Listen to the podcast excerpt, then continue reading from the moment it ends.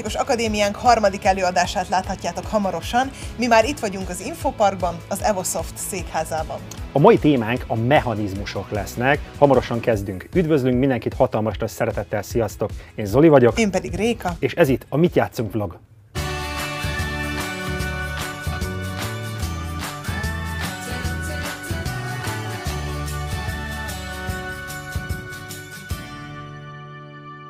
Jaj, de jó itt lenni, ismét üdvözlök mindenkit hatalmas nagy szeretettel. Mechanizmus témát hoztam nektek, egy csomó társasjáték van itt, és itt is. Ezeket azért hoztuk, hogy ezeket ki tudjátok próbálni. Ez ilyen szabadrablás jelleggel működik majd ez folytatólag, és nagyon fontos volt, amikor kialakítottuk ennek az akadémiának a struktúráját, menetét, hogy lehessen empirikus résszel találkozni, hogy ha esetleg van kedvetek kipróbálni valamit, akkor játékmesterek segítségével ez megvalósulhat. Oké, mechanizmusok a témánk.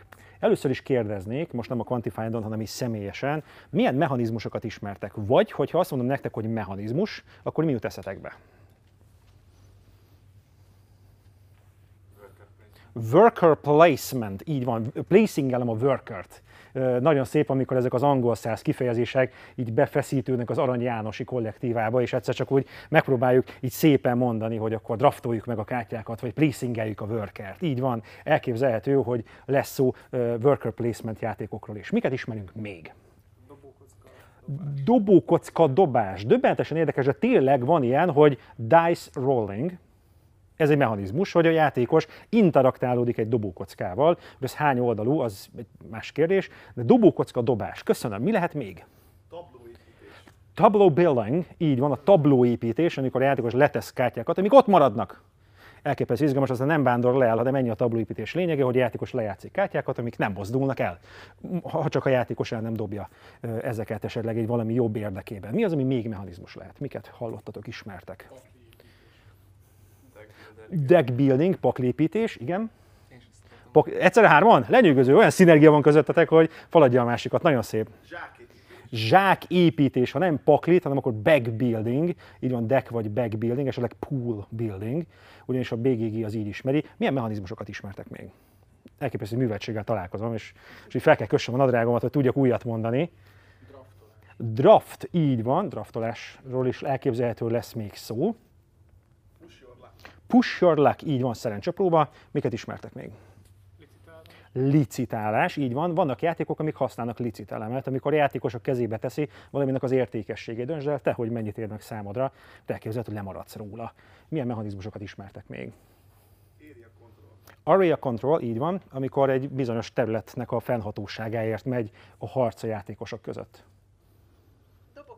Dobok, lépek, nagyon szépen köszönöm, így van, egy örökzöld, csodálatos, most már száz éves klasszikus, mely, mely, mely a mai napig megmarad, és, az, és erről gondoskodunk is. Mi az, ami még ismerős lehet?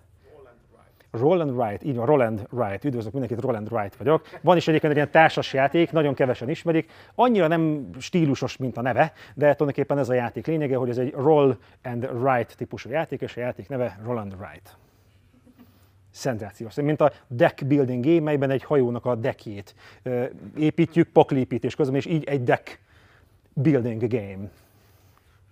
Mi az, ami még esetleg mechanizmus lehet? Hidden, hidden identity, ilyen titkos, titkos egyéniség, vagy titkos szerep, vagy tit, igen, igen. Aha. Mi lehet még? Roll and keep. Roll and keep kockákat, valamit megtartatsz, valamit meg tovább. Aha, így van, ez a klasszikus játszí szabály, ez a három újradobásod van, 5-6 kockával dolgozunk, és elképzelhető, hogy megtartok egy korábbit, újradobom, maximum két újradobás lehetőséggel. Mit ismerünk még? Kérek szépen még egy utolsót. Akciópontok. Akciópontok, így van, action points, amikor a játékosoknak lehetősége van, mint erőforrást elkölteni a lehetőségeit. Így van, a társasjátékok kimondható mechanizmusokkal dolgoznak. Több mechanizmus létezik, mint amennyit feltérképeztek, mint, amennyit, mint amennyinek nevet adtak próbálja feltérképezni a tudomány, általában kullog a valóság mögött ennek a bölcsész szakmája, hogy na akkor mit nevezünk nevén. Ezért van az, hogy folyamatosan egyre, egyre több mechanizmust ismerünk fel, vagy próbálom meg beazonosítani. Gyakran ilyen bogaraknak tartom a mechanizmusokat, hogy hát ilyet, ilyet, még nem láttunk, és elképzelhető, hogy egy játékban megjelent egy olyan elem, ami korábban még nem volt. Elképzelhető, hogy nem annak mentén ment a játék tervező, hogy mit lehet csinálni, hanem ő szeretne valamit elmesélni, és feltalált egy új mechanizmust. Úgyhogy ez a legér, legérdekesebb az egész egészben, hogy nem ismerünk minden mechanizmust, hanem napról napra, hétről hétre, évről évre felbukkanhatnak újabb és újabb mechanizmusok. Persze ez ritkább, tehát ritkábban készül úgy egy mechanizmus, hogy milyen nap van, most éppen csütörtök, én holnapra feltalálok egy új mechanizmust, ami eddig nem volt. Ez a legritkább esetben fordul elő, meglehetősen ritka tünemény, amikor egyszer csak összenéz a szakma is, gyerekek, valljunk be, fogalmunk nincs mi az. Nevezzük el, hívjuk Imrének, és akkor elneveztük ezt a mechanizmust úgy, hogy Imre, mert ez korábban még nem volt, de majd erről is lesz szó. Minden egyes mechanizmus, mint egy pici fogaskerék működtet egy játékot. A komplexebb játékokra az jellemző, hogy több benne a mechanizmus, több benne a fogaskerék. Az egyszerűbb játékokra az jellemző, hogy kevesebb benne a fogaskerék. És nagyon fontos, hogy nincs értékítélet. Tehát attól, hogy egy játék egyszerűbb, nem feltétlenül rosszabb, és attól, hogy egy játék komplexebb, nem feltétlenül jobb nincs összefüggés, hogy például az ár-érték arányban sincs összefüggés, de erről már az első előadásban beszéltem. Amikor egy játékkal játszunk, akkor megismerjük ezeket a mechanizmusokat, és minél hamarabb el tudom sajátítani, hogy mit tudok csinálni egy játékban, annál komfortosabb számomra a játék. Ez az a bizonyos belépési küszöb. Minél hamarabb tudok játszani a játékkal, annál kisebb a stressz, hogy én nem tudom, hogy kell játszani ezzel a játékkal. Stresszforrás, amikor nem tudom, mit vár tőlem a főnök, a szomszéd, anyám, a párom, és nagyon kellemetlen, amikor egy játékban is azt élem meg, hogy tulajdonképpen velem történnek a dolgok, mintha a játék játszana engem és nem én irányítom a dolgokat, pedig én szeretnék hatással lenni azokra a dolgokra, amik történnek, és vannak helyzetek, amiket segítik, például tudom, hogy kell játszani a játékkal. Ezért nagyon hasznos, hogyha egy játékmester segít nektek. Amikor azt mondjuk, hogy komplex játékkal játszunk, akkor tudunk kapaszkodni mechanizmusokba, és tudom úgy tanítani egy játékot, hogy ez egy munkás lehelyezős játék lesz. Információ értékel bír ez számodra.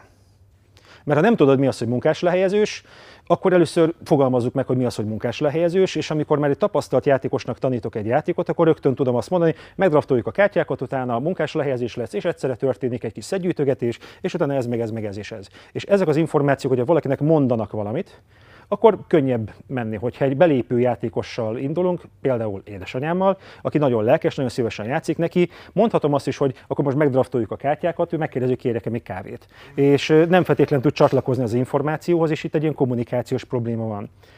Minden egyes mechanizmus szerencsés esetben működteti a játékot. A legritkább esetben van egy mechanizmus egy játékban, például a kőpapinolló az általában egy mechanizmus, vagy legalábbis egy mechanizmusra szoktuk felfűzni, bár meglehetősen kevés eszköz használ. Az itt látható játékok jelentős többsége többet felhasznál e mechanizmusok között.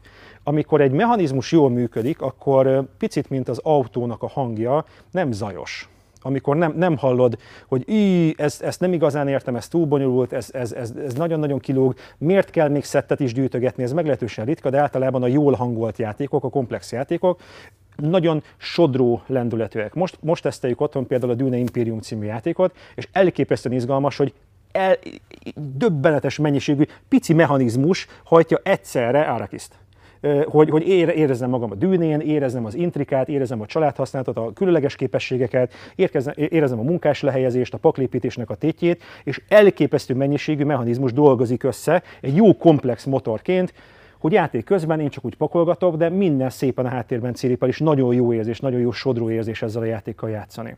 Hoztam nektek hét olyan mechanizmust, ami szerintem nagyon fontos, ami alapvető, és nagyon elemi módon kommunikálja, hogy a társasjátékozás nagyon sokszínű. Nagyon sokféle játék van, ami általában mechanizmusok, játékszabályrendszerek szintjén mutatkozik meg. Amikor azt mondom egy kezdő belépő játékosnak, hogy ez egy modern társas játék, akkor rögtön jön a képzett társítások, a doboklépek. Így van, a doboklépek is egy mechanizmus. Amikor van egy általában hat oldalú D6, a D6 az azt jelenti, hogy klasszikus dobókocka, a szemben álló oldalak összege az mindig hetet ad ki. Vannak olyan dobókockák, ami mondjuk cinkeltek ebből a szempontból, egy, egytől ötig van pontoz, és a hatodik oldal valami varázslat, vagy éppen három vagy négy oldalú dobókocka, de van 12, 18, 100 oldalú dobókocka is. És a D6-tal egy darab bábom van, és végrehajtom azt, amit a dobókocka mond. Én például most tervezőként dolgozom két olyan társasjátékon is, ami doboklépeken alapul. Tehát nekem a tervezői állításom az, hogy a doboklépekben még van ugyanis nagyon sokakban benne van a mozdulat a kezében, amikor leültetem egy modern játékhoz, ha látok alkatrészeket, ott egy dobókocka, biztos dobni kell vele. És zavarba jönnek az igen játszása közben, amiben ott a játékos kezében a dobókocka, amivel nem dobunk. Hú, de összezavaró, és nincs bábú, nem, hol, hol, hol akarok lépni, és mert, mert dobtam a dobókockával. Így jön ez olyan játék, amiben nem dobásra használjuk a dobókockát. Az első mechanizmus, amit kiemelnék, mert szerintem elképesztően izgalmas és fontos, korábban elhangzott, az akciópontok. az action points. Az akciópontok nekem picit, mint egy napban az órák. Az akciópontok azok lehetőségek, hogy valamit csinálja a játékban. Általában a játék beárazza, hogy mennyi akciópontba kerül az, hogy te átmenj a szomszéd szobába. Például a pandemik akciópontokat használ, a játékos a körében elkölthet ebből négyet. A játékos a körében négy akciópontot költhet el. Például mozdul egyet, elköltöttem egyet. Az életemből egy órát arra sütöttem el, hogy elmegyek a Szélkámán térre. Ez egy órámba került. Elköltöttem egy akciópontot. A következő akciópontot valami másra használom. Vannak játékok, amik azt mondják, hogy oké, okay, neked mondjuk 10 akciópontod van, mint a Torres című játékban, mennyire izgalmas, a 2000-es játék, 10 akciópontot bíz a játékosokra, Hát az rengeteg, hát az hogy fogják fejben tartani, semmivel nem jelölteti a játékosokkal, a játéktervező megbízott a játékosokban, majd szépen fej, fejben tartják. Igen, mozogni egyet egy. De elképzelhető, hogy vannak olyan mozgások, amik sokkal drágábbak, és innen ide mozogni az már hat időbe kerül, mert a játékosok közösen építenek egy teret, és nagyon drága tud lenni egy mozgás. Piramis építés mennyi akció, sátorletétel mennyi akció, és beosztom azt a 10 órámat, vagy 10 akciópontomat, hogy mit szeretnék csinálni a körömben. És tulajdonképpen ezt költögetem. Csodálatos, amikor egy játék akciópontokat használ arra, hogy a játékos dönts el, amikor rajtad van a sor, akkor mit csinálsz. De egy picit előre szaladtam, mert önmagában az, hogy a játékosnak köre van, az már egy mechanizmus.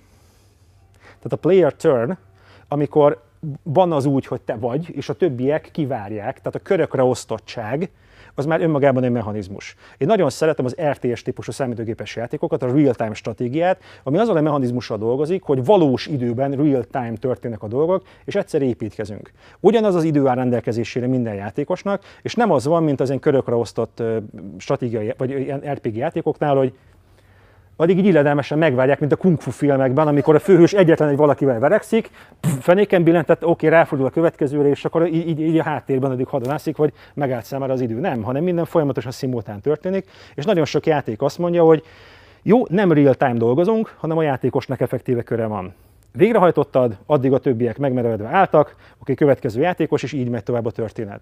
Bár vannak olyan társas játékok, amik valós időben mennek, ezzel nem kis stresszfaktort okozván a játékosoknak, hogy tulajdonképpen valós időben történik minden. Picit ilyen az Escape című játék, mely meghatározott idő alatt, úgy tudom, hogy azt hiszem 10 perces a játék, háromszor három percünk van kiszökni a templomból, és közben felteszünk egy CD-t, megy a háttérben a zene, és a játékosok irgalmatlanul dobálnak dobókockákkal, és próbálnak meg kimenekülni a templomból, ki kiabál, hogy beszorultam, beszorultam, vagy egyen értem, és akkor éppen anyám, hogy ha tud és nem szorult ő is be, akkor szépen értem jön. És az izgalom az, hogy időközönként vissza kell menni középre, elveszíthetek kockámat, egy nagy kaland az egész, 10 percben. Gyakran egy homokóra felel ezért, és a homokóra, mint erőforrás szépen lassan csökken, amikor a játékosok szimultán cselekszenek.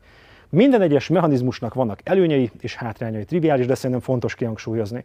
Nem tudok olyan mechanizmust mondani, ami jobbá tesz egyértelműen egy játékot. Gazdagíthatja, és szerencsésebb esetben előnyére gazdagítja, de nem biztos, hogy jobb lesz ettől. Maximum egy picit színesebb. Úgyhogy számomra az akciópontok egy döbbenetesen izgalmas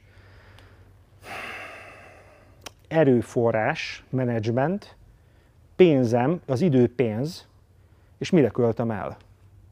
Elképzelhető, hogy a játék előre meghatározott fordulókkal dolgozik, vagy a játékosokra bízza a játék hosszát. Egyik sem jobb, rosszabb, más. Biztonságérzetet ad, amikor tudom, hogy a játékban 8 forduló van, 8 forduló alatt van lehetőségem kiaknázni a lehető legtöbbet. Elképzelhető, nincs ez megadva. Nekem például nagyon tetszik a Stone Age-ben, hogy a játéknak vége van, ha elfogyott a civilizáció pakli, vagy hogyha az egyik ilyen stóc elfogyott, és látjuk, hogy aha, a Réka nagyon hajtja a játék végét. Elképzelhető számára megírja a játék végét hajtani. Például a Ticket Ride is egy kedves családi játék, amint egy játékosnak kellően elfogynak a kis vonatkái, nagyon közeleg a játék vége. De nem előre meghatározott fordulószámból áll. Itt például nagyon izgalmas a szép új világ, négy fordulót játszunk, a négy forduló alatt vég véget ér a játék. Vagy például a hét csodában is meghatározott fordulószámon keresztül megyünk. Első évad, második évad, harmadik. És, és tulajdonképpen ezen keresztül ez a játék, és ez biztonságérzet, ez számolható. Tudom, hogy nem függ a többiektől, nem függ tőlem, hogy mikor kanyarodunk a játék végére, hanem tulajdonképpen ez van. Nekem, és most egy picit trükközni fogok, az akciópont használat nagyon hasonlít a munkás lehelyezéshez. A munkások hívhatók akciópontoknak. Ennyi lehetőségem van. Őt oda költöm, őt oda költöm, őt oda költöm. Számomra az egyik legizgalmasabb hibrid ebből a szempontból a Szélre felcímű játék. Nagyon szeretem. Elképesztően szimmetrikus, Kramer Kisling játék, én nagyon szívesen tanítom, mindenképpen próbáljátok ki. A játékos jó sok munkással kezdi a játékot. A munkás lehelyezős játékoknak általában az az alapszabálya, hogy ha én oda mentem, akkor már más játékos nem jöhet oda. Foglalt. Azt megszívtad mert lemaradtál, és elképzeled, hogy ez alapján priorizál egy játékos, mint a kavernában, vugy, ott van rengeteg lehetőség, úgy döntsd el, hogy mi fontos számodra, vagy mi nem, hogyha valaki oda megy, az foglalt, a stipi-stopi. Uh-huh, nem érek rá. Ezzel most nagyon nem érek rá, hogy ha Réka elviszi előlem a fát, bedölt a stratégiám, úgyhogy elképzelhető, hogy nagyon jó lenne nekem tégláért menni, de a fa ebből a szempontból fontos, mert látom, hogy neki sincs, elképzelhető, hogy ő fog menni azért egy bizonyos fájr, úgyhogy legközelebb vedd el a kezdőjátékos előtt előbb. Roppant kellemetlen. Nagyon-nagyon nem mindegy. És a szélre fel úgy dolgozik, hogy mehetsz oda, hol másik van, csak egyel több munkás kell oda vinned. Tehát úgy működik a játék, hogy oda megy az első játékos, ahhoz, hogy bekapcsolja az adott akció helyet, oda tesz egy munkást. A következő játékos oda jöhet, de neki már drágább egy picit, neki már két munkás kell oda tennie, az én munkásom pedig elmegy ebédelni. A következő játékosnak nyitott a lehetőség, hogy oda akarsz menni, vigy oda három munkást, és mivel játékos számtól függő mennyiségű munkással indítjuk a játékot, mérlegelsz, hogy abból a bizonyos akciópont, akarom mondani munkás készletből, mennyit költesz oda. Tehát a játékosoktól teszi függővé, hogy mennyire drága az adott helyszín. Ami meg már nekem egy icipicit licit, hogy, hogy mennyit ér meg neked az, hogy azt az akciót végrehajtsd. És csodaszépen minden egyes ilyen döntés, hogy attól még nyitva van a lehetőség, csak hogy, hogy, hogy nem fogok öt munkás költeni, az hódziher, valahogy megpróbálom így megvakarni akkor a fülemet. Csodálatos, amikor a munkás lehelyezés rengeteg irányba elmegy. A munkás lehelyezés sokan hívják akciódraftnak. Amikor vannak lehetőségek, és draftolunk a draftot. Most már ketté bontotta a Board Game Geek, apropó Board Game Geek, nagyon fontos szakmai oldal, hogy érdekelt titeket komolyabban a társasjátékozás, a mai napig nem tudunk jobbat. Nekem egy icipicit, és most nagyon kritikus leszek, a társasjátékozás Windows-a. Vannak jobb próbálkozások, de ez a legnépszerűbb, fogadjuk el, ezzel dolgozunk. Rengeteg kritikusa van, igyekeznek, csak hát megvannak azok a bizonyos keretek. Nagyon megnézném a BGG-t, hogy az Evosoft fejleszti, de nem. Úgy örülnék neki, hogyha picit nagyobb hatékonysággal tudna ez a dolog működni és felsorolja mechanizmusokat, ami folyamatosan bővül.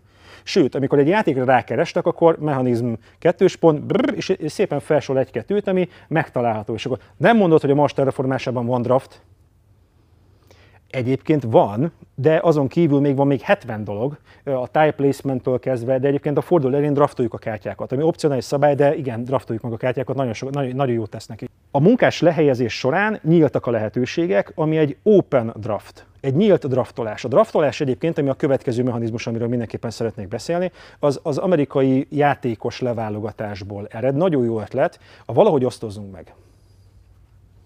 Picit, mint amikor két csapat alakul, és van két csapatkapitány, és a csapatkapitány leválogat játékosokat.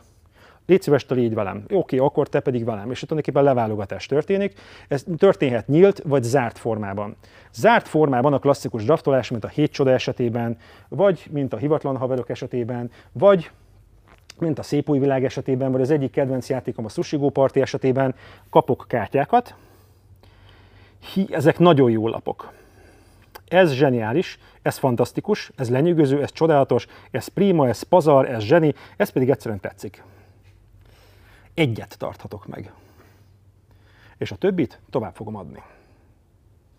Leveszek egyet, továbbadok egyet kevesebbet, és másik oldalról kapok egy csomó lapot, abból is leveszek egyet, továbbadok, és így tulajdonképpen leválogatjuk a lapokat. Jelen pillanatban ez az egyik legigazságosabb kártyaleosztás.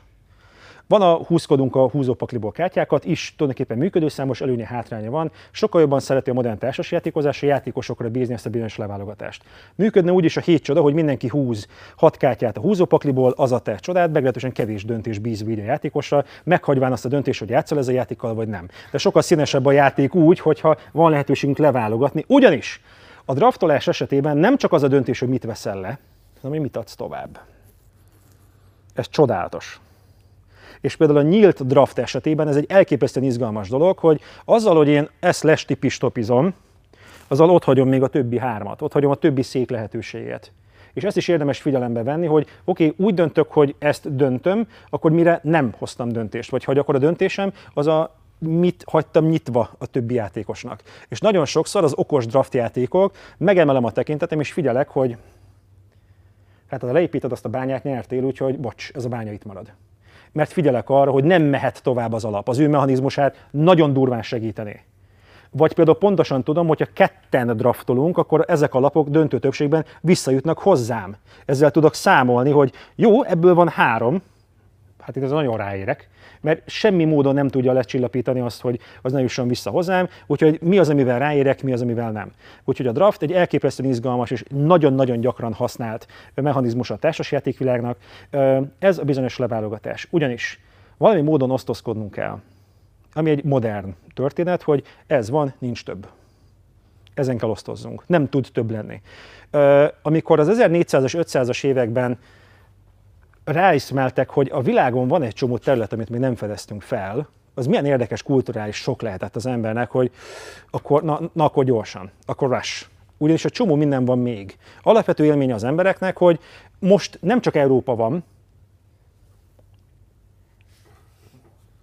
na akkor gyorsan. És eszeveszed gyorsan, rush, és a fehér foltoknak a feltérképezése, és aki először oda ment, az övé a történet. Most viszont az a helyzet, hogy nagyjából leosztott a történet.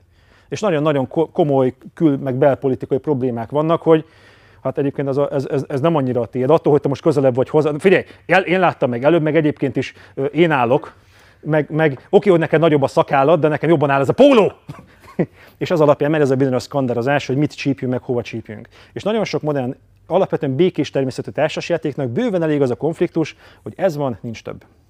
Amikor asszertivitást tanítok, akkor azt szoktam tanítani, hogy osztozzunk meg a 12 szeletű tortán. És a 12 szeletű tortán való osztozás meglehetősen problémás, ha nekem 7 szelet kell, neked 6.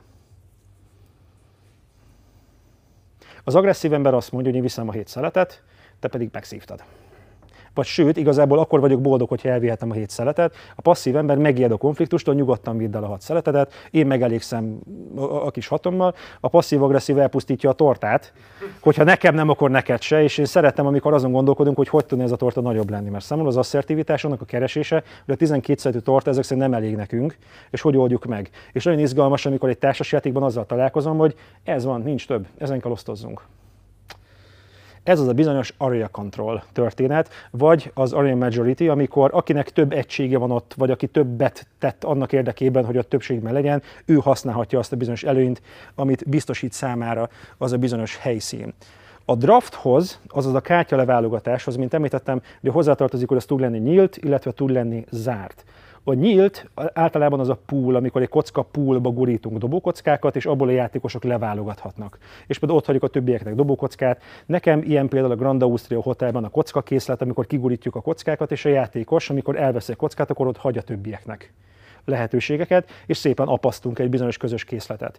A zárt draft nem jobb, más, más előnyöket biztosít, ahogy egyébként a nyílt draft is. Én nagyon szeretem ezt az almechanizmusát a draftolásnak, az I cut, you choose mechanizmust, imádom, az egyik kedvencem. Az az, az a tökéletes testvérosztozás, hogyha a kisfiúnknak egyszer lesz testvére, akkor valószínűleg így, osztott, így, így, így osztatnám fel velük, hogy itt van öt csokoládé, két Vix és három Mars.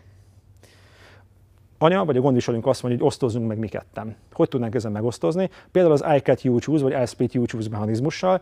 Oszt ketté, de én választok előbb.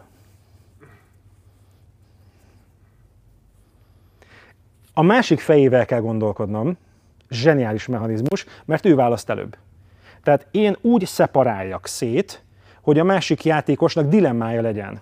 Legyen neki nehéz a döntés. Nehezítse meg neki a döntést. Ez nagyon nagyon kétfős játékok. Használja San Marco, a Hanami Koji, használja most az Egy szép új királyság című játék, amikor adjak dilemmás helyzetet a másik játékosnak gondolkodtassam el. Akkor vagyok ügyes, hogyha nem egyértelmű a döntés, mint a San Marco című játékban, nagyon izgalmas kis többségszerzős játék, melyben úgy próbálom megterjeszkedni, terpeszkedni, hogy ezeket a helyzeteket, ezeket a kártyákat szétosztjuk egymásnak. Tehát tulajdonképpen a draftolásban a milyen helyzetet adok a másiknak a hangsúlyos.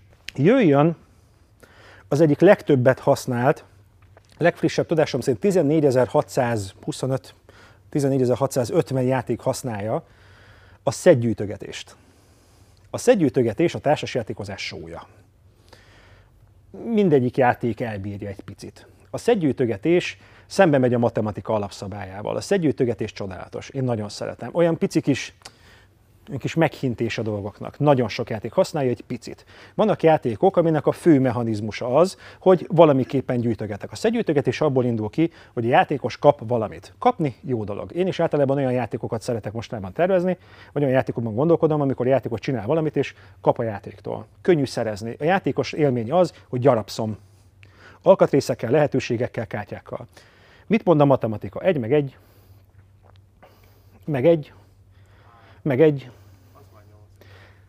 És erről szól számomra a szedgyűjtögetés. A szedgyűjtögetés az, egy, az, az a gyűjtögetést valjálja meg egy picit, amikor szembe megy azzal, hogyha nekem van egyen valamiből, van egy almám, akkor az egyet ér. Ha van két almám, akkor az kettőt ér. De mi van, hogyha van két almám, akkor az már hármat ér. És mi van, hogyha ez a növekedés, ennek az értéknek a növekedése mondjuk exponenciálisan nő? És ez nagyon sokféleképpen meg tud valósulni. Van, amikor egyenes vonalú, 2, 4, 6, 8, 10. Tehát, hogyha van 5 darabom, akkor az 10 ér. Mi van akkor, hogyha egy darabom van, akkor az érjen egyet, ha kettő darabom, akkor az érjen kettőt, ha három darabom van, érjen négyet, és a számok közötti távolság egyesével növekszik. Vagy mi van, hogyha folyamatosan négyzetre emelődik? Tehát 1, 2, 4, bocsánat, várjál, 2 2 4, 3 3 9, 4 4 16, 5 5 25, tehát ilyen, ilyen, ilyen arányban növekszik a gyűjtés értéke. És ez alapján valami felértékesül, felértékesül számomra, például körtét, vagy banánt, vagy valamit megéri gyűjteni. Például ilyen a Stone Age című játékban a, a, vannak olyan civilizációkártyák, ha kevesed van, akkor az nem ér sokat, viszont hogy minél többet gyűjtesz valamiből, annál inkább felértékelődik, és milyen kellemetlen, hogy ezt a játékot nem egyedül játszod, Ugyanis én látom, hogy Daninak most már 7 darab van, 7x7 49, hogyha begyűjti a nyolcadikat, az durvántól, tehát egy kártya onnantól kezdve már nagyon értékes lesz számára. A szedgyűjtögetés szembe megy az 1 meg 1 egyelő kettővel. Csodálatos, amikor valaminek az értéke relativizálódik játék közben. Attól függ, az ezzel való végtelen tánc a Sushi Go Party. A Sushi Go Party című játék tulajdonképpen más se csinál, mint a szedgyűjtögetés 50 árnyalata. Például, ha van egy darabod, az 8 pontot ér, ha kettőd van, az már nullát. Legyen, de csak egy. Vagy legyen, de csak kettő. Elképzelhető, hogy a forduló végén fog számodra valamit érni, elképzelhető, hogy csak a játék végén. Ö, alapvetően kétféle szedgyűjtögetős játékot különböztetünk meg. Gyűjts azonosokat, vagy gyűjts különbözőeket. Az is olyan izgalmas, amikor légy szíves a gyűjteményed legyen szerteágazó, széles. Gyűjts olyat, amit még nem gyűjtöttél. Például a Five Tribes című játékban, a Five Tribes-ban nagyon hasznos, hogyha vannak ilyen kis cuccaid, ne olyanokat gyűjts, ami már van, hanem lehetőleg széles kínálatban. Ja, és milyen izgalmas, hogy ennek a jelenlétét súlyozza a játék. Tehát elképzelhető, hogy valamely anyag nagyon értékes, rögtön jelöli, hogy az egész húzó ebből kettő darab van, hogyha olyat látsz, azt húz be, mert valószínűleg nagyon nehezen fog megint előkerülni az a bizonyos cucc, és van olyan, amire ráérsz. Tehát alapvetően vagy azonosat érdemes gyűjtögetni, vagy, vagy különbözőt. Nagyon jó, amikor egy játékos a játékosra bízza, gyűjthetsz azonosat is, gyűjthetsz különbözőt is. Meglehetősen kis gigye játéknak tűnik a Hivatlan Haverok című játék.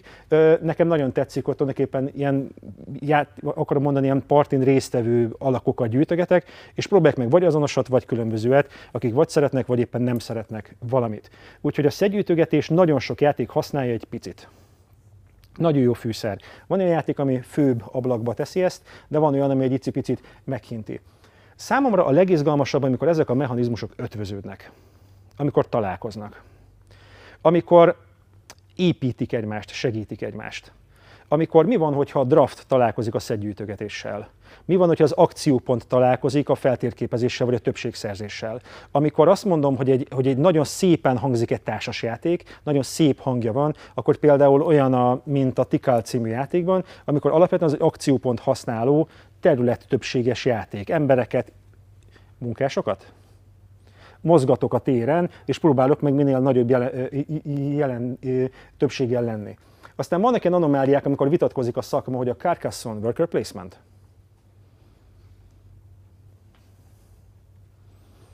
Hát, végül is, hát úgy nagyjából esetleg hivatalos álláspont az, hogy a Kylus című játék találta föl a munkás lehelyezést, melyben a játékos oda megy egy helyszínre, és valamilyen sorrendben végrehajtjuk. Mennyire izgalmas, amikor alapvetően kétféle munkás lehelyezést különböztetünk meg, az azonnal kapod típusú munkás lehelyezést, illetve a forduló végén kapod meg munkás lehelyezést. Például a Caverna című játék használja azt, hogy oda megyek, rögtön megszerzem. A Stone Age például azt mondja, hogy mindenki lepakolgatja a munkásokat, senki többet harmadszor, és akkor szépen visszaszedjük a munkásokat, és akkor gyűjtünk be bizonyos dolgokat.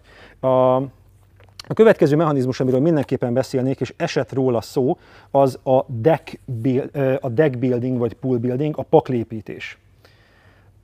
A Dominion meg a Charter, nem Charterstone, a, a Thunderstone játékokhoz kötik. Nagyjából egy időben, egy év eltéréssel jelent meg a paklépítés.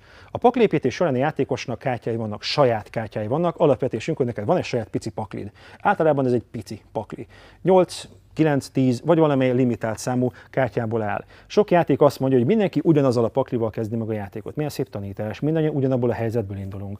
És a játékosra van bízva az a lehetőség, hogy miképpen buildingeled a decket. Miképpen építesz bele abba a bizonyos dologba. Nem tudok nem spirituális vonalon mozogni. Életed pakliába mi az, amit beleteszel?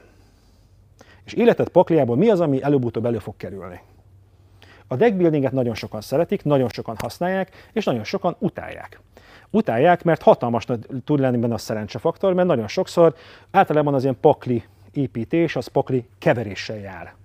Általában megkeverik a játékosok ezeket a kártyákat, és nem lehet tudni, hogy ezek milyen együttállásban jönnek elő.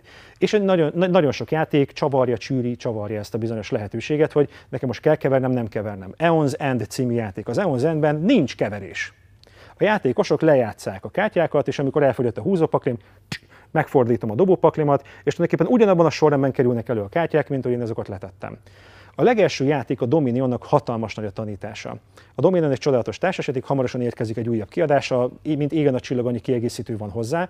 A legérdekesebb benne, hogy vannak alapkártyáim, a lehetőségem van újabb kártyákat venni, és van lehetőségem kidobálni kártyákat. Az egyik legszebb eleme a paklépítős játékoknak a pakli leépítés. Amikor van lehetőségem kidobálni kártyákat. Milyen szép lehetőség, hogy a játék elén nekem nagyon hasznos volt ez alap, most elbúcsúzom tőle. Ugyanis elképzelhető, hogy hatékony lesz az alacsonyan tartott pakli.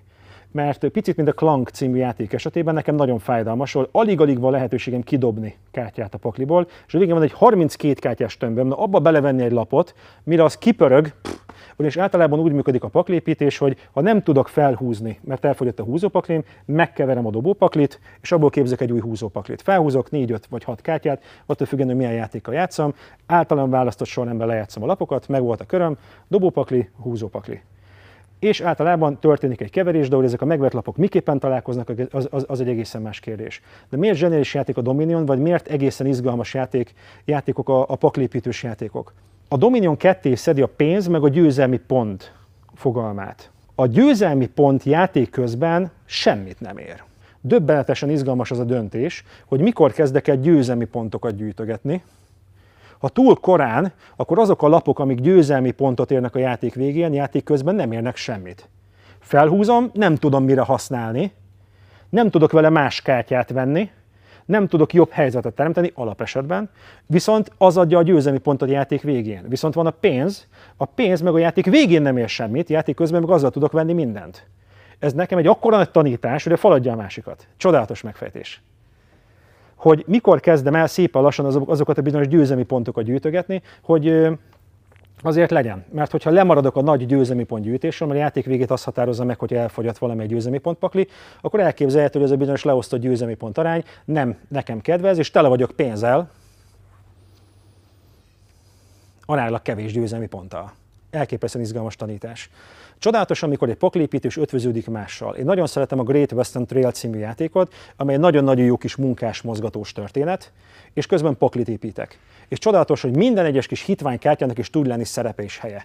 Az egy nagyon jó játék, nagyon alkalmatlanak tartom játszatáson, tehát itt mi játékmester nagyon nem hoznám magam abban a helyzetbe, hogy tanítsam, mert négyen, három-négy óra simán, de csodálatos, hogy még a leg, leggyengébb képességű kártyák is nagyon nagy hatékonysággal tudnak lenni az egész játék során.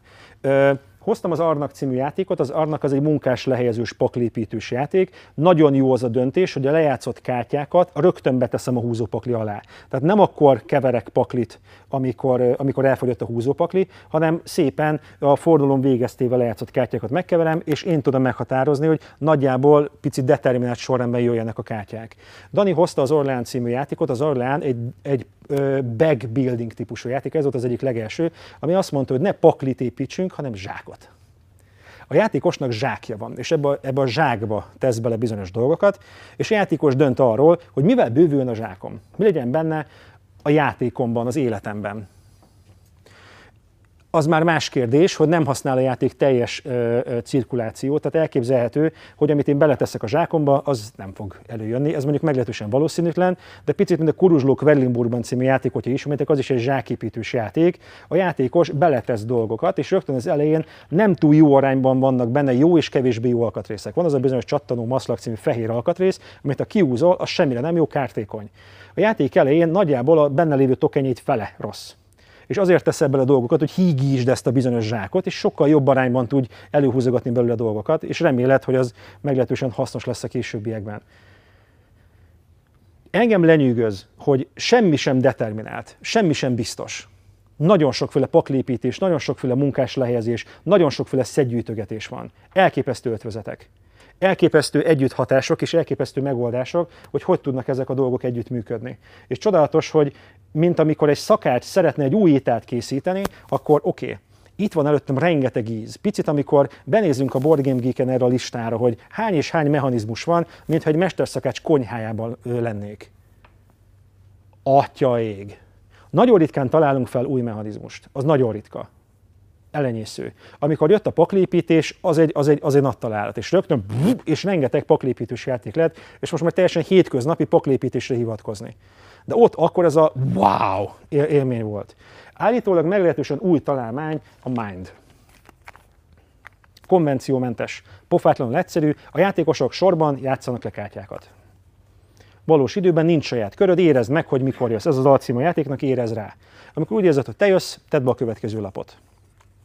És így gondolkodik a szakma, hogy na ez mi? De ezt most mely, ho, hova, hova, hova tegyük? És csodálatos, amikor nem úgy fut neki a, a mesterszakács, hogy én most egy, nem tudom, egy csülökpörköltet szeretnék tojással, hanem, hanem főz valamit, és elképzelhető, hogy ebből lesz valami, elképzelhető, hogy nem. Sokkal inkább már meglévő dolgok valamilyen különleges ötvözetéből állnak a társasjátékok. Um, jöjjön az egyik kedvenc mechanizmusom, nagyon szeretem. Variable Player Powers különleges játékos képességek. 1977-ben egy Cosmic Encounter nevű játék hozta be a játékok világába azt, hogy te tudj más csinálni, mint én. Van egy különleges képességed. Tudsz valamit, amit senki más nem tud, csak te. Ahogy neked is van egy különleges képességed a játékban. Csak neked van három munkásod, mindenkinek kettő. Neked egy, de te akárhányszor visszaveheted. Egy munkásod van, de tudod röptetni. Neked nem kell dobnod dobókockával. Neked, hogyha szeretnéd, korlátlanul rendelkezésedre áll a pénz. Te, neked onnantól kezdve nincs problémád a pénzzel. Neked nem, akció, nem kerül akciópontba az utazás. Tehát neked, hogyha a szomszédba egyeket utazgatsz, azt ingyen megteheted. Döbbenetesen izgalmas. És a kutatás már rögtön két irányú. Rögtön felfedezem a játékot, másrészt, és most is nagyon csábító spirituális vonalra menjek, mit tudok én? Hogy tudom a játék világában a lehető leghatékonyabban kamatoztatni azt, amit én tudok? Előny, hogy ez csodálatos, elképesztően izgalmas. Például a Terra esetében 14 frakció képesség van. Rögtön az alapjáték 14-et lehetővé tesz a játékosoknak, 14 játékstílus. Valaki agresszív, valaki ráérős, valaki építkezős, valaki mászkálós, valaki feltérképezős, valaki ö, csendben pénzgyűjtögetős, nagyon sokféle van, és a játékos egyrészt fedezi fel a terremisztika világát, másrészt a saját képességét, ami, mivel ez egy interakcióval dolgozó játék, a többiek relációjában felfedezendő. Van olyan játékos, aki akkor hatékony, hogyha a többiekkel együtt sikerül ezt a bizonyos dolgot ö, játszani. Két játékos esetén nem annyira domborul az a bizonyos képesség, esetleg mi négy játékos esetén. Nagyon sokféle megfejtés van. Nehézség azonban, és játékmesterként én picit hadilában állok a különleges képességekkel, mert egyesével kell tanítani. Tehát általában megtanulom a játékszabályt, és azon belül, na akkor még külön a saját kis dolgaimat kell megtanulnom. de elképesztően csodálatos, amikor van egy játék, és azt mondja, hogy nézd meg, hogy oké, okay, azt fogod csinálni, mint a többiek, de egy picit hogy tudod a sajátodat jobban érvényesíteni. Ennek vannak szélsőségesebb példái. Nagyon közismert és szeretett játék a Root című játék, amennyire különféle képességeket ad a játékosoknak, hogy külön mechanizmusa van a játékosoknak. Van szedgyűjtögetős, van akciópont használó, van, aki rögtön munkás lehelyez, van, aki árulja a portékáját a többinek. Tehát, tehát, hogy konkrétan más játékot játszik az egyik játékos, mint a többiek más a mechanizmusa. Tehát nem ugyanabban a világban van, mint a Marco Polo-ban, csak pici-pici különféle dolgok vannak, hanem a játéka más, és neki külön játékot kell megtanulnia, nyilván az adott játékvilágán belül. Rémálom tanítani. Apokalipszis borzasztó, tipikusan az a, az, az a típusú játék, ami szépen otthon leülsz, barátokkal megfejtitek, szépen tanuljátok, és úgy nagyon nagy kaland, viszont nagyon nem alkalmas arra, hogy egy ilyen játszatással most egyesével, na, oké, okay macskák. És akkor a macskákat szépen, szépen végigveszünk, utána, végigveszünk, utána pedig megyünk a következőre. A különleges játékos képességek nagyon sokszor érkeznek meg kiegészítő formájában. Van egy alapjátékunk, és hogyha tetszett, akkor valamelyik kiegészítő behozza a különleges képességeket. A különleges képességekhez hoznám be, amikor ezt te építed meg. És számomra ez az engine building. Az engine building az a különleges képességépítés. Nagyon merészet állítok, amikor szimmetrikusan indulunk, de mindenki felépíti magát. Tehát a játék elején párhuzamosak, egyenlőek vagyunk, de a játék felénél már nem. Nekem már olcsó ez az amaz. Nekem már nem kell annyit fizetnem, és én ezért megdolgoztam. Nekem már sokkal kevésbé kiszolgáltatott a dobókocka. Nekem például a Stone Age című játék nagyon ilyen, hogy az én stratégiám az volt, hogy nem nagyon szórakoztam szerszámokkal, nekem még mindig rizikós aranyért menni, nekem nem, nekem van öt szerszámértékem. Legrosszabb esetben is hozom el az aranyát. Én úgy döntöttem, hogy e felé alakítom. Ennek egy szélsőséges példája számomra a Korokanát című játék, ami nagyon sok szinten használ rengeteg mechanizmust, és egy masszív civilizációépítés történik. Például más akciópontokat használunk. Ott rögtön kettészedi a játék, hogy mi az, ami ö, fehér kocka, azaz ilyen polgári akciók való lehetőség, vagy piros kocka, katonai akciók. És azt mondja a játékos, hogy én alapvetően egy békés természetű civilizáció szeretnék lenni, én polgári akciókat fogok sokat csinálni, viszont tanult kollégám tőlem baloldalra, 8 darab piros kockája van, ő katonai akciókban gondolkodik, ő azt a bizonyos fókuszt katonai oldalra fektette rá, és ezt ő építette föl. A különleges képességét ő hozta létre. A játék felénél ő döntött, ő alakította azt ki, hogy mi az, ami számára olcsó. Puh, csodálatosan, elképesztően inspiráló, amikor a játék során a különleges képességedért te dolgozol meg. Milyen izgalmas, amikor eleve kapsz egy picit valamit, startnak, és a, és a későbbiekben van lehetőséget kialakítani, hogy ez hogy legyen a legoptimálisabb. És ez sem Szent Grál. Számomra a különleges képességem sem egyértelműen jó egy játékban. Rettetesen frusztráló és bosszantó, amikor azt érzed a játék felénél, a kétharmadán, hogy nem tudtam kihasználni. Azt látom, hogy a többiek repülnek rá a győzelmi pontokra, szedik be, és már 840 győzelmi pont az Ultimate Reload című játékban, én pedig cirip-cirip. Ugyanez az engine building esetében, amikor azt érzem, hogy hát nekem ez az engine ez nem annyira buildingelődött fel. Úgy van, úgy pöfögget, és még azt látom, hogy a másik két játékos mellettem süvít, nekem az nem annyira indult be. Picit, mint a Mars terraformálása van, amikor azt látom, hogy mindenre is van pénzát, 87 pénzzel kezdi a játékot, ne szórakozzunk már. Hát egyértelműen olyan termelést épített föl. Hát ő, ő füti paksot, hát, hát nem, te jóságosság, hát tulajdonképpen a hónajából nőnek az erdők, és tulajdonképpen ő egy maga felfűtötte az egész Mars bolygót. Én pedig, lett egy pontom! mivel ez egy engine building játék, az engine building játéknál nagyon könnyen ki tud bukni, a játéknak a játék előtt már vége van érzés. Tehát általában a korokon általán is nekem nagyon fájdalmas, amikor opció a játékosnak kilépni a játékból. Azt mondani, hogy feladom. Három kort játszunk, a harmadik korban nem áll lehetőség, de az első két korban mondhatja a játékos, hogy gyerekek kapitulálok. Feladom. Eltört a mechanizmuson, vannak szigorú engine building játékok, amikben beállhat a krak. Picit, mint a Suburbia című játékban, én nagyon szeretem a Suburbia, tönkre mehetsz. A játékban benne van az esetőség, hogyha túl gyorsan kezdesz egy győzelmi pontokat gyűjtögetni, ugyanis egy sorra jönnek ilyen kis kapuk, amik leveszik a termelésedet, hogyha átmentél bizonyos győzelmi pont sávokon, és ez, egyszer csak azon kapod magad, hogy mínuszt termelsz. Tehát oké, okay, beértél egy bizonyos győzelmi pontra, de nem tudsz onnan tovább menni, megszívtad. A játékot elvesztetted. hú, de nem családi. Amikor játék közben megcsap az a szél, és az a tét, ami egyébként szerintem fontos kommunikálni, és fontos tudni a játék előtt, hogy én úgy üljek le ezzel a játékkal játszani, hogy elveszthetem. Ettől nem rosszabb, jobb, más, ez egy bizonyos tét, és én amikor korokonátot nem szoktam tanítani, de amikor játszom, akkor úgy ülök le, hogy benne van, hogy elronthatod. A családi játékok nem nagyon dolgoznak ezzel, és sőt, amikor én játékmesterként tanítok játékot, szoktam rögtön kulcsot adni. A szép új világban mindenki azt csinál, amit akar, a termelés nagyon fontos. Az első két fordulóban aranyszabály, a játék elé győzelmi pont, rossz pont, a játék végi győzelmi pont, jó pont. A, amikor tanítom a Stone Age-et, civilizáció kártya hasznos, mintha semmi másról nem szól az a játék, mint szépen vegyem azokat a kártyákat. Az árnak a játéktáblán egy tekintélyes rész a felfedezés sáv. Vajon miért olyan nagy ezen a táblán az a bizonyos felfedezés sáv? Javaslom, menjél főfelé. Tehát nagyon nagy jó tanítani rögtön a győzelmi pontnak a jelét. A társasjátékok egyik legnagyobb tanítása, és nagyon hálás vagyok, amikor volt podcast felvételünk, Daniból hamarosan meghallgathatjátok.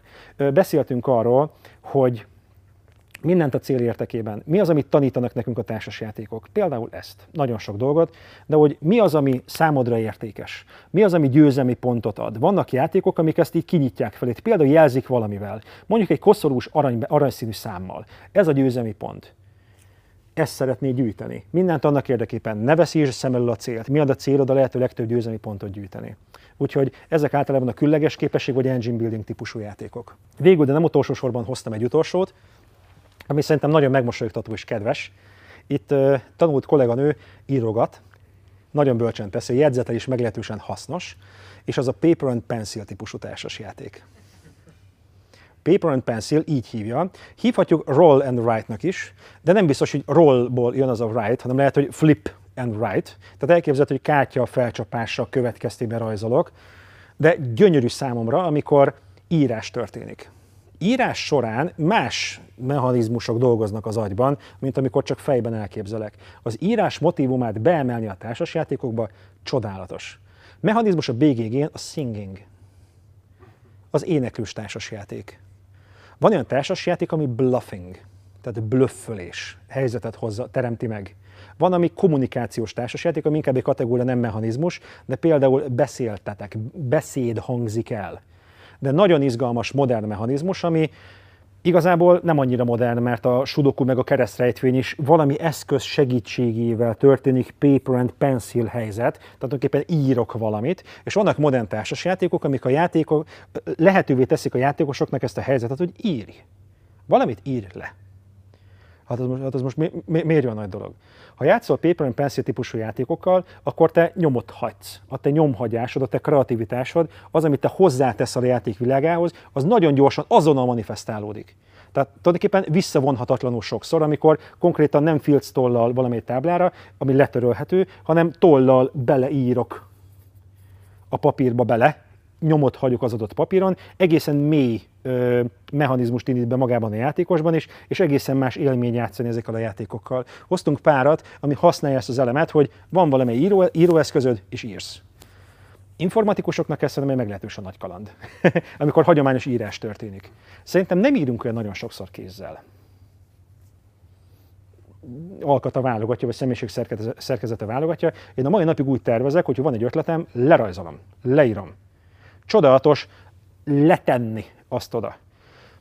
Ez vitatárgya lehet, hogyha én a szépen beírom egy számítógépbe, vagy beprogramolom, végülis az is tulajdonképpen megőrződik, mert tulajdonképpen az információt szeretném elmenteni, mert amint már előttem van, könnyebben összefoglalható, mint ami a fejemben van szanaszéjjel, és jó összefoglalni, jó leírogatni. A tanácsom az, hogy jó dolog írni jó dolog leírni. És csodálatos, amikor egy társas játék kinyitja számotokra ezt a lehetőséget, hogy nagyon szépen tudtok írogatni, vagy esetleg nyomot hagyni valamely formában. Így, ezeket a mechanizmusokat hoztam most nektek, gondolatébresztésként és kipróbálásként. Szeretném volna kíváncsiságot ébreszteni bennetek is, és a videó nézőiben is, hogy nagyon sokféle játék lehet, és egyre több. És nem is csak egyféle, hanem ezeknek különféle ötvezete. Elképzelhető, hogy ha szeretsz valamely mechanizmus, például szeretsz szedgyűjtögetésben gondolkodni, akkor jó rákeresni a mechanizmus, hogy miben tud lenni szedgyűjtögetés. Valamiben főbb szerepben, valamiben mint kiegészítő oldal mellékákként, de bátorítalak benneteket, hogy kóstoljatok meg minél többféle társas játékot. Szerintem nagyon hasznos, hogyha esetleg van kérdés, akkor az hangozzon el, beszélgessünk egy picit. Hoztam pár gondolatot, értsetek, ne értsetek egyet. Nekem csak igazából kérdés most itt szemben van velem az azul. Aha. Az azult magát, ezt milyen mechanizmusnak? Ha tudnál egy szóval akár mondani. Akár a Egyet nem. részt, akár... Képzeld el, rákerestem. Na. Ez egy open draft. Elveszek, hagyok. Tehát vannak lehetőségeim, és mivel uh, csempe placement ilyen nincs, ezért tile placementnek hívja, ami egy mechanizmus, tehát tulajdonképpen placementtel is történik. Ez nagyon durva, tehát a magyar szakosok. tehát té- tényleg az ilyen Grécsi Lászlók így, így vannak ezzel. Fogadjuk el. Tehát tulajdonképpen egy place történik. Tehát valaminek a megépítése. Egy draft következtében Mint a építés a, ö, a, van van ilyen mechanizmus, hogy pattern building, tehát, tehát, tehát, tehát valami, va- va- valami mintázatot hozunk létre. Itt alapvetően az a, az a fajta lapka lehelyezés, ami a lapka most ebben a játékban csempe. De az egyik legizgalmasabb, ez az open draft, amikor vannak lehetőségeim, és nem csak arról döntök, hogy mit veszek el, legalább annyira mérvadó, az a piros neked nagyon sokat ér. De, nem, de ha már pirosat veszel el, kedves kollégám, akkor vegyél el ötöt. Ugyanis a játék azt mondja, hogy ha neked vinned kell, akkor az összeset vinned kell, és én nagyon szeretném, hogy neked már csak kettő kell pirosból, akkor létszes négyet. Engem az nem annyira zavar. Mert egyébként, hogyha ketten játszunk egy ilyen pontgyűjtögető játékot, ami neked mínuszpont, az nekem egyértelműen pluszpont. Tehát tulajdonképpen, hogy te mínuszpont kapsz meg, én azt pluszpont, pluszpontként írom. Nekem két kérdésem lenne, és az érdekes játékmechanizmusokkal kapcsolatban. Volt szerencsém játszani egy kártyaépítő játékkal, ugye a Mystic Veil, biztos ismerős Így van. amikor, Card nem, crafting. Aha. amikor nem a, a decket is építjük, de a kártyákat benne építjük. Tehát, hogy van három része a kártyának, és azokat csúsztatunk be különböző léjereket, és ezzel a kártyákat magunkat erősebbé tesszük, és amikor kipörög, akkor már egy, egy erősebb, Mhm. táposabb dolog pörög ki. Találkoztál-e ilyen típusú újítós mechanikákkal, vagy mi volt a legérdekesebb mechanizmus, amivel nem beszéltél még róla, talál, találkoztál vele? A, bocsánat, a Canvasban is ez Uh-huh, van, igen. Tehát a? Canvasban is ugye belecsúsztatjuk a átlátszó cuccba. És úgy festünk, nem? És úgy festünk. Nekem picit ilyen az Imagine című játék is, melyben ilyen mintázatok van, nem, nem minták, hanem ikonok vannak, és ezeket szabadon használhatják, akár mozgathatják a játékosok ebben az Activity variánsban, melyben van egy információ a birtokomban, és szeretném átadni neked, csak a kommunikációs szűkítés az, hogy ezeket a kártyákat használhatom. Igen, ott, ott nagyon-nagyon örültek ennek a card, card craftingnek. Ami nekem lenyűgöző volt, az nem is igazából mechanizmus, hanem gyártás technológia. A gyártás technológiai csoda volt a Keyforge című játék. Richard Garfield, aki egyébként a Magicnek a megalkotója, ő találta ki a Keyforge című játékot, amely milyen gyönyörű szép, hogy ott már nem direkt a konfrontáció játékosok között, hanem kulcsok megszerzésért megy a játék. Nagyon más a hangulat, hogy nekem az a célom, hogy kipöttyencselek a játékból, vagy az, hogy verseny megy kulcsokért, és elképzelhető, hogy gáncsolgatjuk egymást, de tulajdonképpen egy megszerzésen van a hangsúly. A, a Keyforge-nak a fő fókusza az, a gyártás technológiai ötlet, hogyha megveszel egy dobozt, az egyedi. Egy algoritmus kiszámolta, hogy a meglévő, a lefejlesztett kártyáknak bizonyos együttállása, de sosem duplikálva van dobozolva. Tehát egy, egy olyan kártyakészletet veszel meg, ami csak neked van. Tehát úgy jön le a- futószalagról, hogy van nem tudom 187 féle kártya, a dobozba bekerül 20. És úgy pakolja össze az algoritmus, hogy le tudunk így gyártani 26.877 példányt, és egyedi játékod van. Ez többféle próbálkozás volt, volt Kori Konyáckának is egy ilyen, egy ilyen feltérképezős játéka, az kevésbé lett sikeres, de hogy egyszerre több stúdió gondolkodott ebben a gyártás technológiában, ami szerintem elképesztő. Elképesztő. Második kérdésem az pedig a régi mechanizmusokkal kapcsolódna, ahhoz kapcsolódna. Mankala például, ugye a Five Tribes-nak az alapmechanizmus, ez a felveszek valamennyi munkást, és akkor lepakolászom ide-oda. Ugye ez Afrikából ered, ha jól tudom, és magokkal játszották, és Igen. is vermekbe tették bele. És hogy ezeknek az újraéledése vagy fejledése, ez mennyire valószínű? Tehát, hogy például egy sakk típusú mechanizmust sorolnánk be, vagy hogy ezek megjelennek-e még a modern társasjáték tudásban? A Five Tribes használja a mankalát, de például a finka is egy rondellán használja. Tehát azt mondja, hogy, hogy nem, nem egy vonal van, hanem egy körré tette, ami egyébként egy, ez a mechanizmus a rondell, tehát, tehát, tehát hogy rondellán történik. A finkában ahány ember van ott, annyit mozdul előre az én emberkém. A megérkezést követően megnézem, hogy hány ember van ott, és annyi adott dolgot kapok de a Trajan is ezt használja a, a Stefan Feld játéka, melyben a saját kis rondellámon pakolgatom a kis dolgokat, és nagyon szépen tervezhető, hogy én nagyon szeretném, hogy ez oda menjen, ahhoz először eszkédet tegyem, ehhez meg azt tegyem, tehát tulajdonképpen egy nagyon ősi dolgot csinál a játékos, pici alkatrészeket pakolgat sorban. Az egyik legizgalmasabb találmánya a saknak a lólépés rengeteg játék használja, amikor L alakban ö, tudok mozgatni valamely alkatrészt, de önmagában ezt a stílus nagyon sok játék hozza. Nekem a Battleship ilyen kedvencem, hogy, hogy báránykákat osztogatunk le egy térben, de például nekem ilyen hatalmas nagy találmány, őrület, megáll az eszem mindenkinek, kerék szintű innováció, a hexa. A hatszög. Zseni de ezek a miért tudnak valamit? tehát, tehát hogy, hogy hatalmas egy találmány, hogy a négyzeteket felváltjuk hatszögekre, és a hatszögeknek az elrendezése pontosan annyival több, hogy még nem fájdítóan több a négynél a hat, a hatoldalú elrendezés, és pont olyan építkezést, olyan tér e, e, egybefüggést enged meg a játékosoknak, ami nem frusztrálóan több, viszont a lehetőségeket nagyban kinyitja. Tehát, tehát a hexa használata lett ilyen döbbenetesen egyszerű és nagyszerű, nagyjából a katan óta. Tehát, tehát, tehát a katan volt az első, ami azt mondta, hogy ne négyzetekkel szórakozzunk, hanem tegyünk hatszögeket. Jóval nehezebb előállítani. Nekem játékkészítőnk is meglehetősen problémás otthon hexákat gyártani magamnak, de ez van, négyzeteket jóval egyszerűbb. Nem lehet tudni, hogy mi az, ami most később elő fog bukkanni. Uh, számomra csodálatos volt, amikor Stefan Feld a Merlin című játékba betett doboklépeket. Ezek 2010 8-as, 9-es társasjáték körülbelül, és ott van benne a doboklépek. A respekt és tisztelet csodálatos, amikor nem azt mondja, hogy ez rossz, tegyük zárójelbe, hanem mi van, hogyha ezt picit innováljuk, hogy megnézzük, hogy hogy tud ez modern, hogy tud ez izgalmas lenni. Vagy például a Luxor című játékban, ami egy nagyon kedves családi játék, egyetemi piramisban kolbászolunk, a játékos dönthet úgy, hogy doboklépek hogy egy dobókockára bízom a, a lépésemet, nem vagy köteles, mondhatod azt is, hogy jó, én most ezt a helyzetet szeretném magamnak megengedni. Holott több emberre léphetem le az eredmény, de akkor is az dobok lépek. Úgyhogy nem lehet tudni, én nem tartom kizártnak egyetlen egy mechanizmus sem. Köszönöm a kérdést.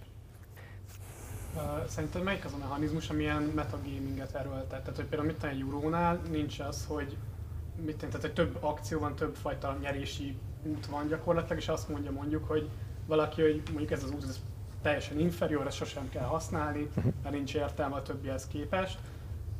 Konfrontatív játékokban, meg kompetitív játékokban nagyon sokszor van olyan, hogy egy bizonyos elem, vagy egy bizonyos akció az gyakorlatilag ilyen teljesen háttérbe szorul. És uh, úgy érzem, hogy ez valahogy a mechanizmushoz van közel, hogy melyik mechanizmus. Melyik játékot említetted? Ja, nem, tehát hogy általában, tehát hogy uh, nem vagyok nagy jurós, de hogy mit például a mm, az agrikólában ott sincs olyan, hogy mondjuk azt mondom, hogy jó, csak zöldséget csinálunk, vagy csak állatot csinálunk, és akkor a pontoknak a különbözősége, vagy az, hogy, hogy mit én csak zöldséget csinálunk, semmi értelme. Uh-huh. Szerintem jó egy játék, vagy javít egy játékon, ha a játék felénél, de minimum az egyharmad vagy kétharmadánál érdemes újra gondolnod a terveidet. Tehát nekem az egy hút száraz játék, hogy leülöm, és ezt, ezt most ezt fogom végigcsinálni. Ezt általában az interakció segíti, konfrontatív játékok esetében egyértelműen, de még az ilyen szoliter építkezős eurók esetében is, ami például a kavernában pusztán annyi, hogy nem biztos, hogy abban a sorrendben fordulnak fel a munkás lehetőségek, mint én azt szeretném, és alkalmazkodnom kell esetemben például felülírni egy korábbi tervemet mint az ilyen projektek, hogy sprinteket futunk, és egy bizonyos sprint után elgondolkodom, hogy igen, én most rettetesen nyomottam itt ezt az állattartást, de a barlangon fele üres, érdemes lehet annak megfelelően icipicit alakítani a dolgokon. A játékok esetében az egyik legszebb pillanat, amikor felülvizsgálom a terveimet. Tehát amikor volt egy stratégiám, lehetővé tette a játék számomra, hogy valami stratégiát alakítsak ki, de picit ezt újra gondolom.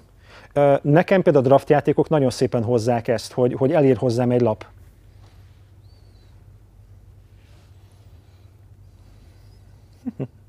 Számos előnyét látom annak, hogy megtartsam, számos előnyét látom annak, hogy esetleg hagyjam a fenébe, de amikor bekapok egy lehetőséget, ami újra gondoltatja velem. És szeretem azokat a játékokat, amikor egy jobbnak látszódó lehetőség érkezik meg. Tú, ez nagyon jó. Ú, ez nagyon jó. amikor érkezik egy jó szansz, hogy például nekem ilyen a, a szép új világban, amikor bekapok a játék egy bizonyos pontján egy olyan lapot, ú, ezt meg tudom csinálni. Ez, ez, ez, ez 50 pont. Meg tudom csinálni? Mert kitaláltam korábban valamit, és egy picit átcsoportosítok. Szerintem mindegyik lehetős, vagy, vagy nem akarom letudni ezt a kérdést, hogy minden mechanizmus tud lenni szerencsétlen egy játékban, de, de szerintem mindegyik használható így. Én szeretem, amikor egy játékos, amikor meg, meg, megnyerte a játékot, egy picit ezt a többieknek köszönheti. Tehát például a hét csoda esetében azt elképzelhető, hogy ezt hagytuk. Hogy, hogy nem folyton megkapott jobbról-balról egy bizonyos kártyát, ami nagyban segítette az ő működését. Mert nem csak azt számít, hogy mit veszek le, hanem hogy mit adok tovább. Reméltem feleltem a kérdésedre. Köszönöm. Volt esetleg kérdés? Gyere. Ha azt mondtad, hogy minden mechaniknak megvan az előnye hátránya, Igen. de így tervezőként van olyan, amit ha lehet, akkor hatszor meggondolod, hogy beépíted-e vagy sem, mert Uh-huh. annyira polarizáló, vagy, vagy annyira nehezen összeegyeztethető többi mechanikkal. Uh-huh. Amikor én tervezek, akkor ritkán teszek bele direkt egy mechanizmust, hanem érzem, hogy mi az, amit behúz az ötlet. Tehát én szeretem, amikor a téma meg a mechanizmus együtt felváltva, lépegetve. Beszélgettem Péter Viktorral, ő a Mind Clash Gamesnek az ügyvezető igazgatója, ők csinálták a Trickerion-t, az Anachronit, a Cerebriát, és nagyon szépen vázolta, hogy általában ez egy kéz a kézben jár hogy van egy, van egy, van egy témaötletük. Ez leginkább egy ilyen, egy ilyen hitelmechanizmussal tudna működni, hogy lekérek a jövőből valamit, ami tulajdonképpen egy ilyen banki kölcsön, amit előbb-utóbb nekem majd vissza kell fizetnem, ha nem, akkor, akkor, akkor kapom a kamatot, amely a játékban nagyon tematikusan jelenik meg. Ez, ez legyen munkás lehelyezős. Hm? Az lenne a legegyszerűbb, hogy akciódraft lehetőségével, de úgy, hogy közben ö, ö, sz, legyen, a, legyen egy picit ö, tile placement a játékos előtt, és saját munkás helyszíneket ö, tegyünk bele a játékba, hogy már ne kelljen a közös, mert legyen egy közös tér, vagy legyen a játékosnak külön tere, tehát amikor a téma meg a mechanizmus egyszerre épül. Alapvetően én is, én is ezt keresem, hogy mi az a helyzet, amiben én szeretném hozni a játékosokat, és mi az a mechanizmus, ami segíti, hogy létrejöjjön ez a helyzet. Mert szerintem nagyon szerencsétlen, amikor én szeretnék egy doboklépek játékot csinálni. Az, hogy én szeretnék valamit elmesélni, te, ennek tök jól működne a doboklépek. Mit szólnál hozzá, hogyha a doboklépekkel oldanánk ezt meg? Simán működik. Elképzelhető drafttal is működne, és számomra kihívás, hogy a doboklépekkel hozom össze ezt a bizonyos dolgot. Tehát, tehát szerintem a mechanizmus az egy eszköz, sose cél. Nem lehet célja egy játéknak, hogy munkás lehelyezős legyen, hanem az a célom, hogy a játékosok kalandornak érezzék magukat, és menjenek, ö, menjenek, hol vagy? Hol vagy? Itt vagy. Eldorádóba, a, kincs, a kincshez, és van egy alapkészlet a játékosoknak, és, és lesz lehetőség a későbbiekben újabb kalandorokat elvenni, és a játékos dönthet úgy, hogy hát most megszabadulok a matróztól, az elején jó volt, de most már nem annyira jó, és ahhoz, hogy elmesélődjön ez a bizonyos történet, ehhez behív egy bizonyos mechanizmust. Én nem szeretem azokat a játékokat, nagyon nehezen megyek vele, amikor rögtön, hát ez egy olyan munkás lejegyzős játék, ami ezen innovál. És mint tehénen a nadrág ráhúztak egy témát, hogy valami azért működjön. Köszönöm a kérdést. Azokra a fajta játékokra szeretnék kérdezni, amikor ugye mindenkinek más képességgel indul akár, vagy, vagy van egy ilyen engine építés, és hogy ezeket kibalanszolni. Mennyire, tehát hogy mondjuk van egy olyan stratégia, vagy olyan erő, hogy sosem nyerhet, hogyha valaki értelmesen játszik, vagy olyan, aki mindig nyer, még ha egy hozzánevértől játszik. Tehát, hogy mennyi idő után, vagy, vagy mennyi effort bele tevése után gondolnál az, hogy, hogy Mm, Három dolog jutott eszembe. A Marco Polo, The Voyages of Marco Polo című játékban, a játék elején ilyen nagyon, nagyon arcpirító, különleges dolgokat tudnak a játékosok, és csodálatos, amikor én ezzel nyerek. Ő nem. Tehát, tehát amikor azt hiszem a játék elején, hogy jó, tulajdonképpen végig, végig táncolom a part, és a végén kiderül, hogy egyébként közel se, tehát nagyon, nagyon könnyűnek tűnik, de nem biztos, hogy az volt a lehető legjobb. Van, amikor nagyon nincs ez kibalanszolva, történt ez például a Tapestry című játékkal, a Stonemaier Gamesnek a gondozásában jelent meg. Nagyjából fél év rá jött az errata, hogy hát kaptunk visszajelzéseket, szerintem egy picit érdemes fin, fin, finom hangolni bizonyos értékeket a, a játékon, vagy például a terramisztika esetében nagyon szép, amikor világversenyen licitálnak a fajokra. Tehát nem azért indulunk 20 ponttal, hogy 20 ponttal többel induljunk, hanem legyen mit elveszíteni. Tehát általában, amikor győzelmi ponttal indulsz, gyanakodj, mert azt vagy el akarod költeni, vagy elfogod, vagy el fogod veszíteni. Tehát, tehát hogy, hogy legyen mivel kevesebb legyél. És a versenyeken kijött, hogy ő azt érzi, hogy ha négyen játszuk, és ezek a győzelmi kondíciók vannak, nekem megér mínusz 10 ponttal indulni, tehát nem 20 hanem csak 10-zel indulok, de, ez, de én ezzel a fajjal megyek. Másik kolléga azt mondja, hogy én megoldom 8, 8 ponttal is. Tehát, tehát nekem elég, elég 8 pont is, de én ezzel nyerni fogok. És ő kevesebb pontra indul, de ezzel a fajjal mehet. Tehát a játékosokra bízza ezt a balanszt. Mindazonáltal, hogyha konyha módon játszod otthon a haverokkal a, a terramisztikát, akkor jó gyakorlásként, de versenyen elképesztő izgalmas, hogy, hogy számol az elképesztő tapasztalt gamer, hogy jó, hogyha ez is játékban van, meg hogyha az is, meg hogyha ez a győzelmi pont, akkor akkor szerintem ez 15 ponttal megoldható. Elképesztően izgalmas. Tehát van az úgy, hogy játékosokra bízza. Köszönöm a kérdést. Nézzünk egy utolsót. Egy utolsó záró kérdés. Aztán játszunk. Gyere kérlek. A tervezésnél szoktál vele gondolni, hogy a közösségben kialakuló meta ellen ilyen ellenstratégiákat építesz bele a játékba, vagy? A tesztelés nagyon fontos. Amikor a játék elkészül, és most kinyitnám felétek, hogy mindenképpen szeretnék egy külön előadást a játéktervezés különféle aspektusára, vetületeire szentelni, és bővebben ki fogok arra térni, zseniális kérdés egyébként, hogy a tesztelés miért rettetesen fontos. Egy csomószor, amikor egy játék készül valakinek a kezei között, még én is ismerkedem vele. Tehát beleteszek dolgokat, de hogy ezek milyen együtt hatást eredményeznek, az, az nem biztos, hogy rögtön megmutatkozik. Elképzelhető, hogy megmutatom édesanyámnak, ő egy bizonyos hatást kap a játék által, ő erről visszajelzést ad, utána pedig megmutatom egy tanult gamer kollégámnak, aki egészen másképp fogja a játékot játszani. Én nem mondhatom meg egyetlen játékosnak sem, hogy hogy játsz az adott játékkal. Úgy játszik, hogy akar. Hogyha neki nem tudom, dobálni van kedve az akatrészeket, akkor ne, de, de, de hogy alapvetően a szabályrendszeren belül, hogy ő miként játsza a játékot, az az ő dolga. Nekem az a felelősségem, hogy ne legyen broken, eltörhető az a bizonyos játék, hogy ne legyen biztos stratégia, az hútonalmas. És ezért nagyon fontos, hogy játszon vele informatikus, aki ki fogja silabizálni, hogy hol van az a bizonyos shortcut, hol van az a bizonyos tökéletes stratégia, hogyha megfurható a játék, hogyha én mindig passzolok, annyi pénzt fogok kapni, meg tudom vele nyerni a játékot, akkor még érdemes beletenni bizonyos dolgokat, mert eltörhető a játék.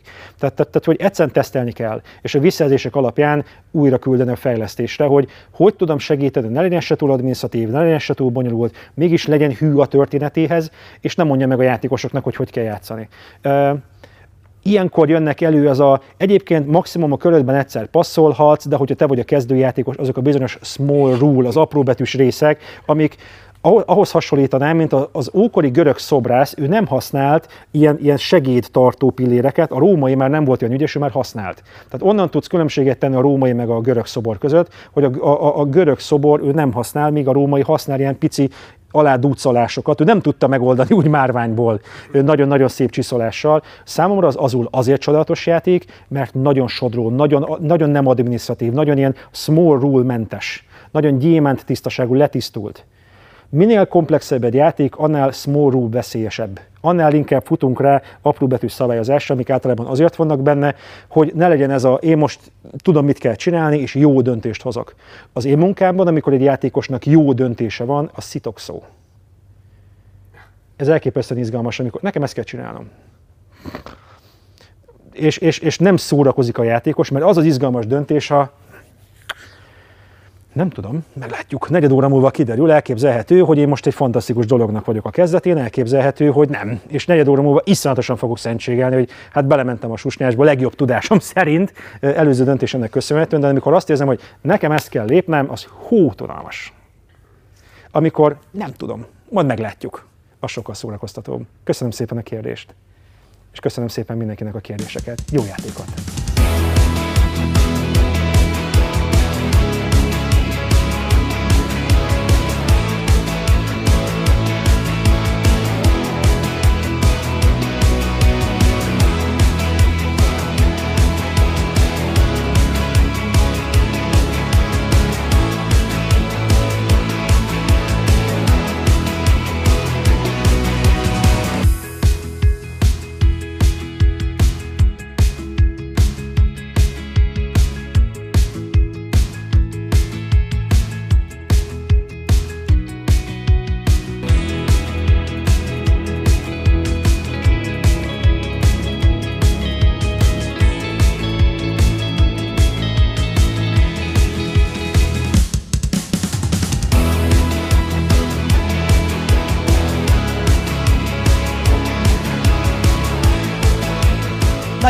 Mindenről volt szó a mechanizmusok kapcsán, és a jó hír, hogy hamarosan folytatjuk.